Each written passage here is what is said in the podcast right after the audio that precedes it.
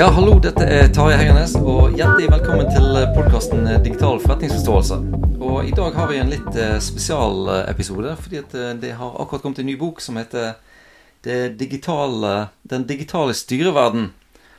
Og denne boken har jeg vært så heldig å få skrive sammen med eh, Arne Selvik, som sitter her med min side og er gjest i denne podkasten. Og vi skal eh, snakke litt om eh, denne boken her, hvorfor vi skrev den, hvem den er for, eh, og litt av hva vi har lært av å skrive bok sammen, og litt om hva vi tror at folk kan finne nyttig i boken vår, altså den digitale styreverden. Um, jeg skal begynne med å presentere Arne Selvik litt, selv om han er vel en Han er vel en av de som ikke trenger så veldig masse um, introduksjon. Han er er jo mest kjent for å jobbe med styret, både som å, sitte i styret og forske på styret de siste 30-40 årene, eh, iallfall. Blant annet har sittet styret i, eh, i NRK. Eh, blir ofte kalt inn når, når styret skal eh, evalueres, og, og um, for å hjelpe fram eh, den delen av forretningsdriften. hjertelig velkommen, Arne. Tusen takk. Ja, jeg tror jeg, jeg må nevne at uh, du har jo òg blitt uh, uh, romanforfatter. Ja da. 'Døden minutt for minutt'. En roman som kom i Var det 2019? 20. 2020, ja. 2020. Som jeg, som jeg har kost meg veldig med. Som, ja. som går an å få tak i. Og jeg har et rykte om at det er en, en til roman på trappene. Ja, jeg holder på. Det er jo en del stoff som jeg har eh, på en måte lagret i uh, hodet mitt, som jeg ikke har kunnet bruke i disse fagbøkene som stort sett har skjedd. Har handlet om ledelse mm. og om styrevirksomhet og styreprosesser og arbeid i styrene. Så tenkte jeg at hvis jeg valgte romanformatet, så kunne jeg eh, fortelle noen røverhistorier og fortelle litt eh, andre ting enn det som eh, liksom Jeg har kalt det for restegarnet mitt. Mm. Uh, min kone driver stadig og strikker, og når det er sånn restegarn igjen, så kan det bli litt sånn rare ting av det. Mm. da. Og det, en del av dette restegarnet det havnet da i denne romanen som heter 'Døden minutt for minutt'. Ja. Spennende. Og det, dette her med, med familieselskap og, og um, store virksomheter og sånt har jo blitt veldig populært nå med den Succession-serien på, på, HBO som fikk uh, masse priser og greier nå nettopp. Så det er ja. Uh, ja det er mye, mye, spennende som skjer der. Som, jo mer penger i familier, jo mer skarpe konflikter og drama og sånt er det. Og mm. man trenger ikke gå lenger enn til Agatha Christie og Poirot, så er det som regel i de velstående familiene det brukes mest gift. Ja. Tittelen på denne boken, 'Den digitale styreverden', er da en kombinasjon av eh, to av disse bøkene. Som eh, En bok som jeg har skrevet, og en, eh, en bok som Arne har skrevet. Og vi har begge lagt tre utgaver av de eh, bøkene. Arne skrev da 'Den skjulte styreverden', eh, som har da kommet i eh, De to siste utgavene heter 'Styreverden'. Og jeg har skrevet da denne 'Digital forretningsforståelse', som lytterne her vet veldig godt om. Så har vi slått de sammen eh, og kalt det for Den digitale styreverden. Og um, hvordan, uh, hvordan kom vi på det, Arne? ja, det er et godt spørsmål, og det var jo din idé, da. Mm. Uh, men hvis vi ser på det sånn i ettertid, så var det jo det at uh, du tenkte at den digitale transformasjonen som er på gang, det er ikke bare interessant for studenter. Eh, men det er også helt klart eh, interessant for de som har vært studenter for 20 eh, eller 30 år siden, mm. og som nå sitter og styrer og tar store beslutninger i forretningslivet og i, i, i det offentlige. Og de trenger en type oppdatering, tenkte jeg når du kom med, med ideen. Mm. fordi at de sitter og jobber med, med, ting som blir mer og mer spesialiserte. Eh, og det betyr at mye av makten i styrerommet går jo til spesialistene som sitter i ledelsen i bedriften, eller i IT-avdelinger, eller hos konsulenter som kommer med forslag til eh, stadig nye og stadig dyrere løsninger for mm, bedriftene. Ja. Og da må man kunne være i stand til å stille gode spørsmål. Mm. Ja, og um, det er jo litt som det som er uh, altså Tanken bak digital forretningsforståelse, det er jo mye det at uh, å, og eh, gjøre det lettere for måte, vanlige arbeidstakere eller, eller studenter å, å, kommunisere egentlig inn mot IT-verden, sånn at de, um, de, de, kan kommunisere bedre, og så skjønner de litt mer om hva det egentlig er som foregår. og da blir på en måte denne makten litt sånn utjevna, enten du er på en måte en student eller en, en vanlig medarbeider eller, eller en styre, styrearbeider. Så, um, og min tanke var det at uh, du uh, kjenner jo denne styreverden uh, rett og slett så godt, og, og, hva som er relevant på et styrenivå, og hvordan du på en måte kommuniserer med, med styrenivået. Så jeg at da kunne, da kunne vi samarbeide om å få finne ut at dette er dette er relevant for styret, og dette er mer relevant for daglig leder, osv., osv. Så, videre, og så, videre. så det er vel litt det, det den prosessen vår har vært, eh, Arne. Ja, vi sorterte jo på mange måter. Altså, jeg leste jo gjennom boken din, ikke sant? Mm. Den tredje utgaven. Og så etter hvert som vi begynte å velge tema og lage struktur på denne nye boken, eh, så kom vi til at det er visse typer tema som nesten alltid diskuteres i styret. Og det er jo strategi, det er økonomi, eh, det er sikkerhet, det er etikk. Eh, og så er det noen spørsmål som som dekkes veldig godt i, i boken din, men mm. som stort sett håndteres av folk i ledelsen og i spesialiserte avdelinger. Det kan være salg, det kan være markedsføring, det kan være en del andre tema, HR f.eks., eh, som ikke er så ofte på dagsorden i styrene. Så da holdt vi på en måte det utenfor, og så konsentrerte vi oss det som er strategisk, som er langsiktig, og som er viktig for overlevelsen for bedriftene og, og virksomhetene. Mm. Og jeg har jo um, jeg har jo vært en uh, Arne Selvik-fan i, i, noen år, så det var jo, uh, dette var jo veldig stas for meg å få skrive denne boken sammen med, deg, Arne. Det har jeg sikkert sagt før. Og, og, og, det som jeg likte veldig godt med prosessen, det er at uh, vi har på en måte gått igjennom det som vi har skrevet hver for oss, og så mm. har vi på en måte tilført litt rann, og, og ordna litt. Rann, og når jeg leser gjennom det som jeg har skrevet, så er det så det er plutselig en hund som har dukket opp der, og en uh, case som ikke jeg visste om, som kaster nytt lys på, på de teoriene som, eh, som, jeg har brukt. Så mm.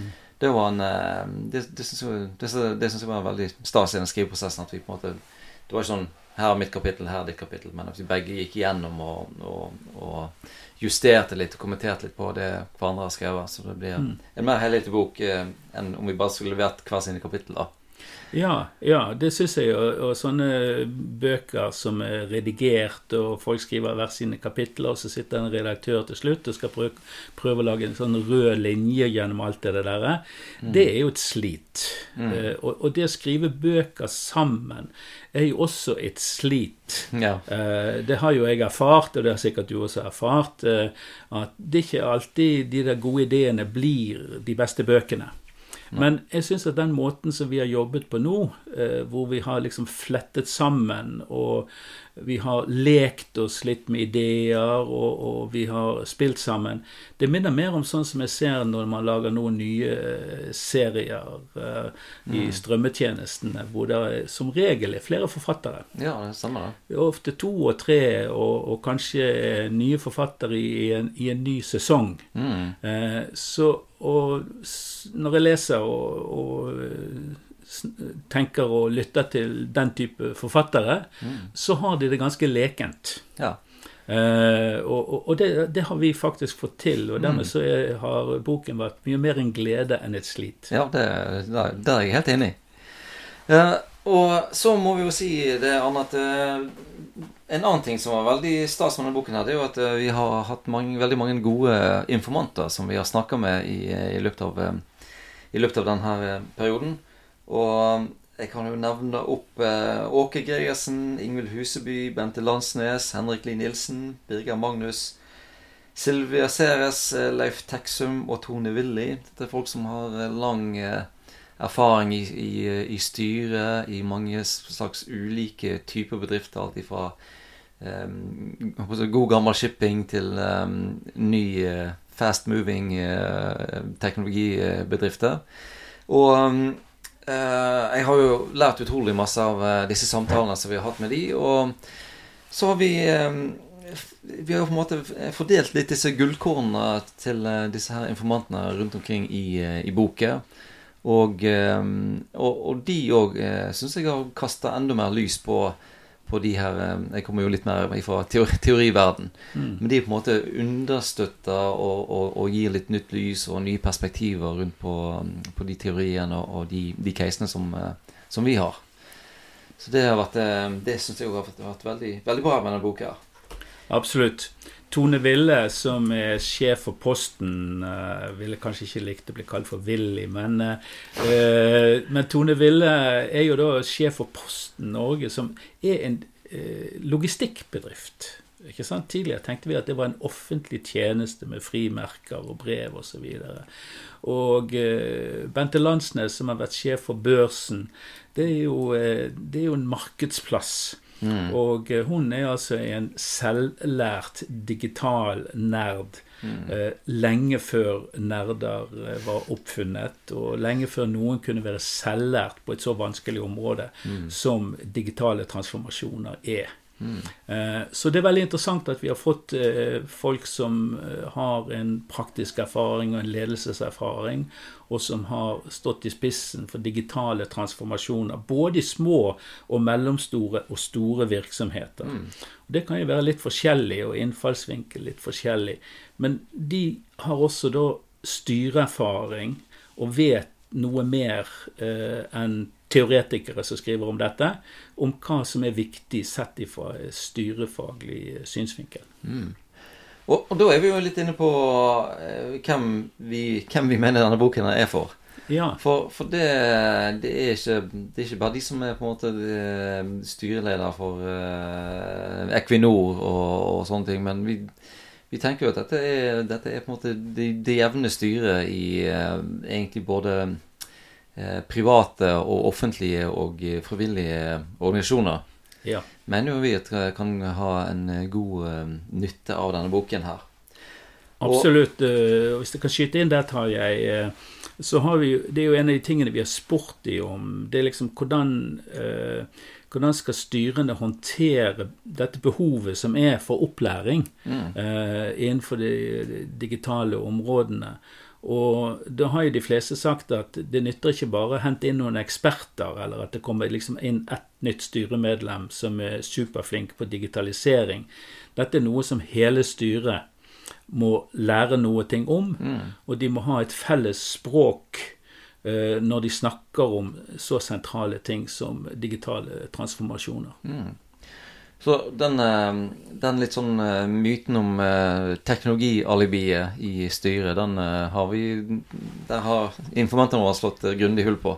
Det har de. Og, og den myten om at det være unge, unge folk i, med teknologi i styret. Det er, mer, det er mer erfarne folk som har tilegnet seg litt sånn oversikt over det digitale transformasjonsfeltet og brukt litt tid på det. Er mer verdifull enn de unge som bare har gått dypt inn i en, en del av, eh, av, teknologien. Det er riktig. og Hvis vi ser på vi si, gjennomsnittsalderen eh, og si, fordelingen på alder og generasjoner i norske styrer, både i børsnoterte selskaper, men også mellomstore og familieeide bedrifter, så er det jo folk sånn som er 50 pluss minus. Mm.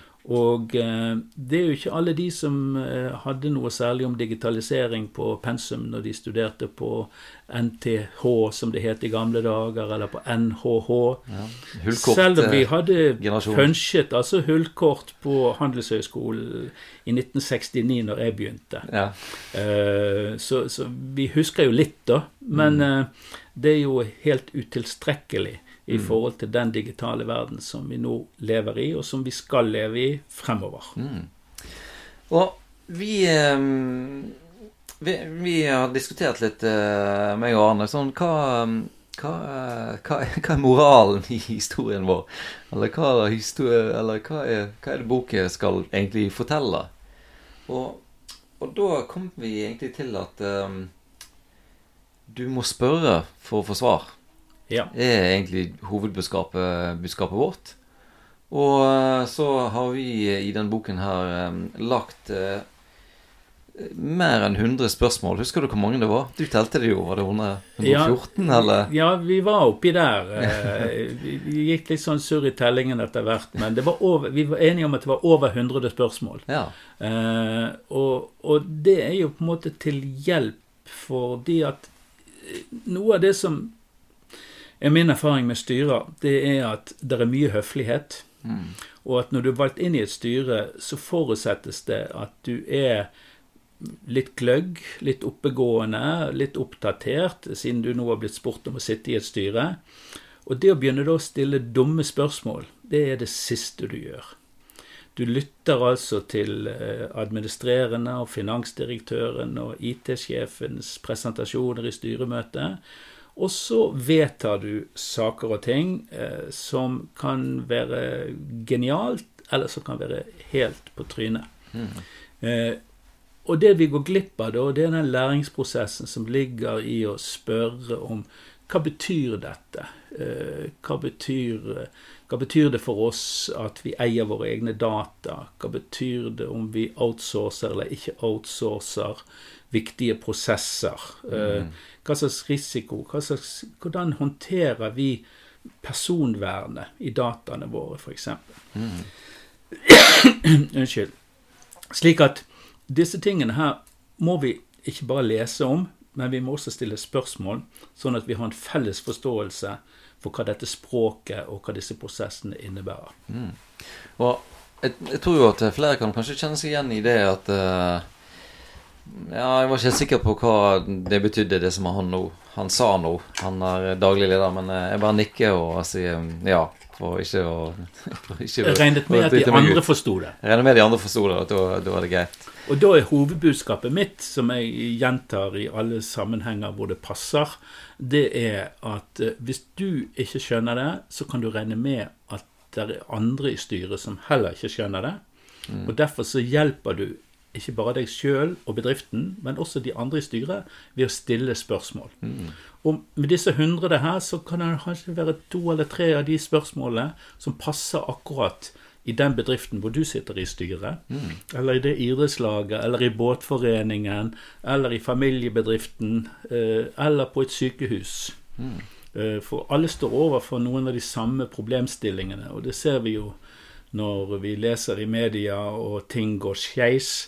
Eh, Så er det jo ofte at noen ikke har stilt spørsmål om har vi nå sjekket reiseregningen i Stortinget, eller eh, er det sant at Nav bruker 100 milliarder eh, bare på å lage nye datasystemer? Og så videre. Sånn, vi må jo finne ut av tingene. Og, det, og der har vi jo mange eh, eksempler i boken. Og den er til og med så dagsaktuell at dette Thanos-eksempelet eh, er kommet inn der. Der, der folk ikke har spurt. Og, og, og, det gikk jo ikke så bra med, med, med dette Tianos-selskapet. Det gikk veldig dårlig, og eh, foreløpig er det slik at gründeren, da, som var en 19-åring uten spesielt digitale forutsetninger, skulle da lage en blodtestemaskin. Og eh, det ble jo da etter hvert, før det var kommet på markedet, så var det verdsatt til mange milliarder dollar. Og Der satt jo da Henry Kissinger og den type folk der, og stilte ikke spørsmål. Og eh, dommen foreløpig er da fire ganger 20 år for gründeren. Og eh, vi får se hvordan det går. Men det er et litt aktuelt case. Det har vært mye på nyhetene i det siste, og det er beskrevet i boken. Ja. Og så er det et sånn lite bakteppe òg, dette med, med ansvaret som, som styret har. Og, og eh, at vi har sett en del eh, Spesielt nede i Europa så har vi sett en del styrer som har fått uh, blitt saksøkt fordi at de ikke har satt seg inn i rett og slett den, den digitale utviklingen og tatt uh, beslutninger som har uh, minket verdien av selskapet. Det er helt riktig. Så det er jo litt sånn Det er alvor. Det er blodig alvor òg, dette her. Den skjulte styreverden, da den kom ut rundt 2000-2001, så var det bare én sak i rettstidene som i Norge hvor det var en rettskraftig dom for styreansvar. Mm. Én. Ja. Ja. Nå er det i hvert fall 250. ja. Og noen av de handler om eh, sviktende innsikt, sviktende kunnskap, sviktende forståelse. Hvor man blir dømt til store bøter for å ha villedet aksjonærer, villedet eh, kunder, leverandører, kreditorer. Eh, slik at det er jo et, eh, det er et nytt alvor. Ja, det er det. Så kjøp denne boken, eller så havner du i fengsel. da unngår du i hvert fall å havne i fengsel, og du unngår å skade andre hvis du Ja. har uh, lest disse tingene her. Uh, vi har snakket litt om uh, at denne boken her er jo sånn Selvfølgelig som kan leses fra, fra perm til perm, men den kan òg like godt være et oppslagsverk. Så hvis f.eks. nå eh, har vi datasikkerhet som, eh, som tema for neste styremøte, så går det an å slå opp på den delen eh, eh, som handler om datasikkerhet, og gjerne forberede de spørsmålene der, og lese de eh, hvordan disse her informantene våre eh, forholder seg, og hva tips de har for å, å sikre dataene sine.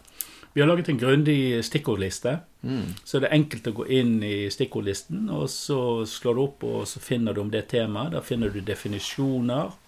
Du finner også referanser til fagartikler og bøker eh, som kommer i tillegg til det med de intervjuene som vi har med våre informanter. Mm.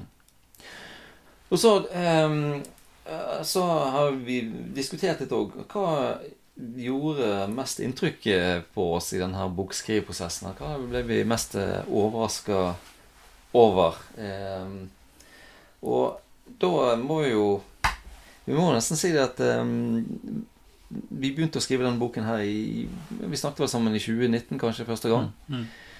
Og eh, akkurat når vi skulle til å begynne å ha disse intervjuene, så stengte jo Norge ned. Så der måtte vi jo ha digitale intervjuer, rett og slett. Ja. Og mm, det som vi har sett, er jo at eh, nå har jo eh, mye blitt eh, tvangsdigitalisert. Og, og at egentlig her, det å forstå disse teknologiene og utnytte de har blitt enda mer, enda mer viktig de siste årene. Fordi du har den Det å forelese på, på Zoom er jo en, mer en, en digitisering av en, en, noe som kunne ha skjedd fysisk. Ja. Men, men, men eh, mange mener litt, litt dårligere. Ja, og, og spesielt for de som foreleser når ingen har på sine kameraer i andre enden. Da, da, blir du, da blir du han eh, gamle mannen som sitter og snakker for seg sjøl foran PC-en.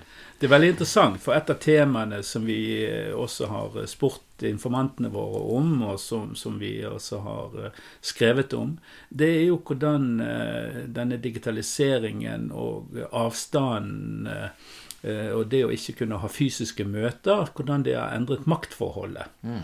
eh, i virksomhetene. Slik at det har eh, skjøvet for makt vekt fra styrerommet og tilbake til administrasjon på mange måter.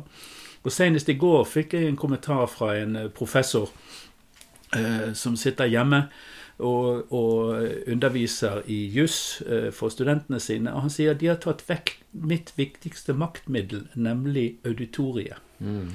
hvor jeg er sjefen.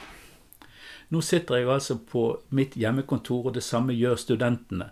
Så denne eh, endringen Og den endringen skjedde jo rundt oss hele tiden fra vi begynte å skrive og intervjue, og til boken nå kom ut. Og vi har kunnet lese i avisene én og to og tre artikler hver eneste dag om de temaene vi skriver om. Mm. Ja, det er det, det, det er ganske, en ganske stor omveltning, altså. Og, men eh, vi har jo òg sett det på det her at eh, eh, Og det, det er jo opptatt av den her Jo, men eh, det var ikke så bra for han professoren at han mista maktmiddelet sitt, men samtidig så har han òg fått noen nye, nye verktøy. Mm. Og eh, hadde vi hadde en eh, Vi hadde vel en informant som vi ikke skal nevne navn på, som sa at eh, Sitte og reise, sitter og, og reiser til Oslo på disse styremøtene og sitte og høre på um, noen som leser opp fra Excel i en hel dag. Mm. Han sa trøtt i trynet på vei til, til Flesland og trøtt i trynet på vei tilbake igjen. Ja. Så samtidig så er det jo en um, Har vi diskutert litt at ja, okay, noen ting eh, Noen ting som styres og samarbeider om. Det eneste er kanskje bedre for eh, en, et, et digitalt møte. Ja, Mens, Der fant jo du opp en vakker figur eh, Ja. som er inne i boken. ikke Stemmer sant? det. Som, eh, som skjelner mellom de tingene som vi kan fint fikse på nettet. mm, Og det er ting som er kjent, eh, det er ting som er enkle, og det er ting som har en kort tidshorisont. Mens det vi tenker eh, som vi må tilbake til fysiske møter, eller en kombinasjon av skjerm og fysiske møter, det er jo typiske strategiske tema, som er det viktigste for styret.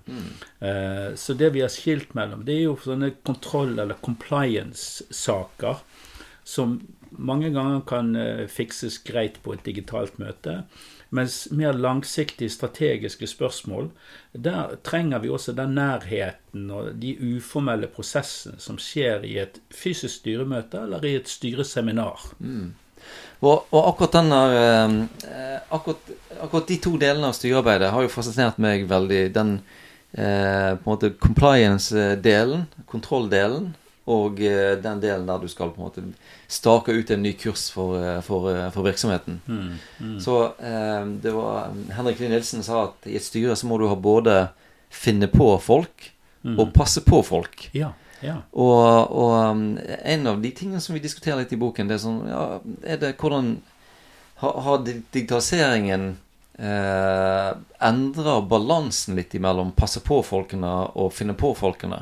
Mm, mm. Og der er det delte meninger om eh, ifra våre informanter. Men eh, jeg personlig vil jo tro det at eh, finne på-folkene vil kanskje bli litt, eh, litt viktigere. Eh, Og at dette kan, du, eh, dette kan jo du se mer om. At disse, om de har, har, har disse passe på-folkene har de tatt veldig stor plass?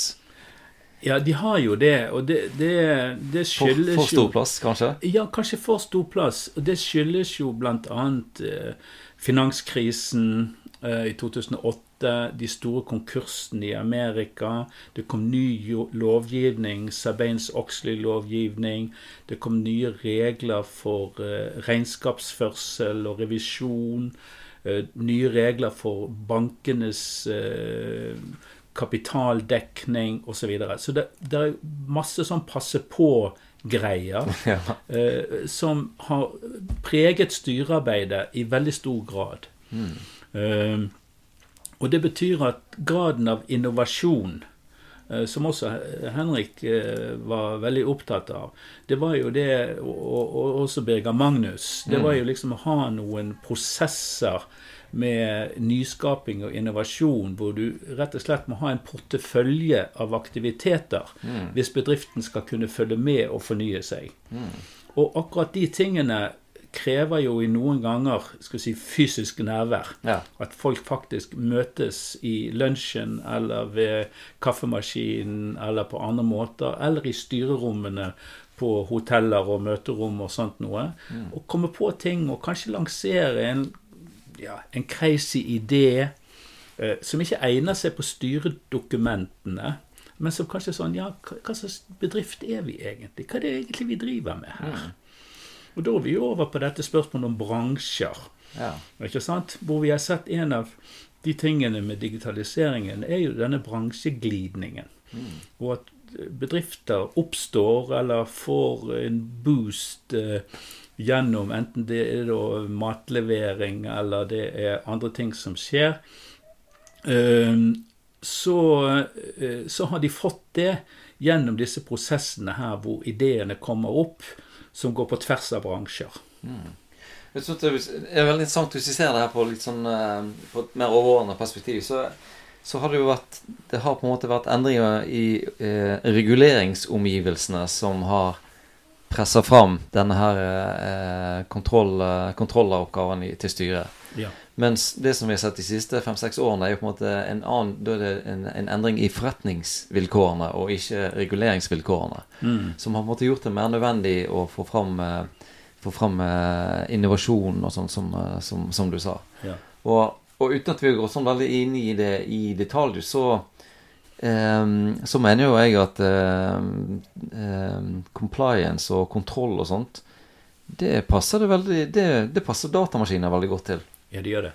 Og, og det fins jo en sånn ehm, en, eh, Det fins jo en egen eh, tech-sjanger som heter regtech. -hmm. som er regulation technology, som, eh, som eh, skal hjelpe folk å, å, å rett og slett eh, kontrollere det her med at de, at de er i, i compliance. Ja. Maskinelt. Ja. Og, og, og, og, og da blir jo dette med data sentralt, og vi snakker en del om data, og eh, hva, hva bruker folk dataene til? Og eh, vi har en uttalelse om at eh, norske bedrifter er elendige på, på metadata, Mm. som eh, gjerne folk må ta godt hensyn til. Mm. Um, og så er vi jo litt inne på eh, litt inne på dette med, bærekraft, som jeg Ja. mener at eh, her må vi egentlig bare dokumentere med data. Ja. Denne bærekraften istedenfor å, Ja. å, å, å snakke så masse om hvor, hvor bærekraftige og grønne vi er. Riktig. Da, um, Og da er vi inne på eh, sensorer, mm, vi er inne på smarte byer, uh, og vi er inne på eh, ulike møter å bruke uh, kunstig intelligens. ja. Uh, og, og da er det jo hele tiden spørsmålet hva slags virksomhet vi er i forhold til hva slags overblikk skaffer vi oss, hva slags type kunnskap skaffer vi oss.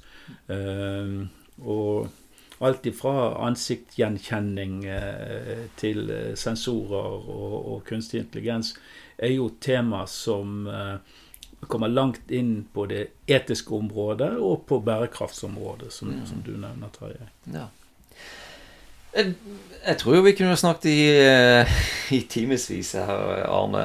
Timevis i tillegg til de timene vi allerede har snakket sammen. Vi har jo skrevet en hel bok om det. Vi har jo skrevet en hel bok om det, altså. Ja. Så eh, jeg tror um, Ja, jeg tror vi har iallfall gitt en, et inntrykk av boken, bok, hva den er, og hvem, hvem den er for oss. Og, og du kan iallfall jeg, jeg kan si at disse her Å ha kunnskap til disse digitale tingene, det er veldig viktig. Og du kan med din erfaring si at eh, disse tingene òg er viktig eh, på et styrenivå. Det er det. Absolutt. Og det er det vi har prøvd å få til i denne boken, at disse tingene er på styrenivå, og at det er viktig for eh, verdiskapningen og forretningsdriften og forretningsutviklingen i virksomhetene. Det er det. Da tror jeg vi takker av eh, Arne. Tusen takk for at du eh, kom og var med i Veldig hyggelig. Ja, Og jeg- bare still flere spørsmål, Ja.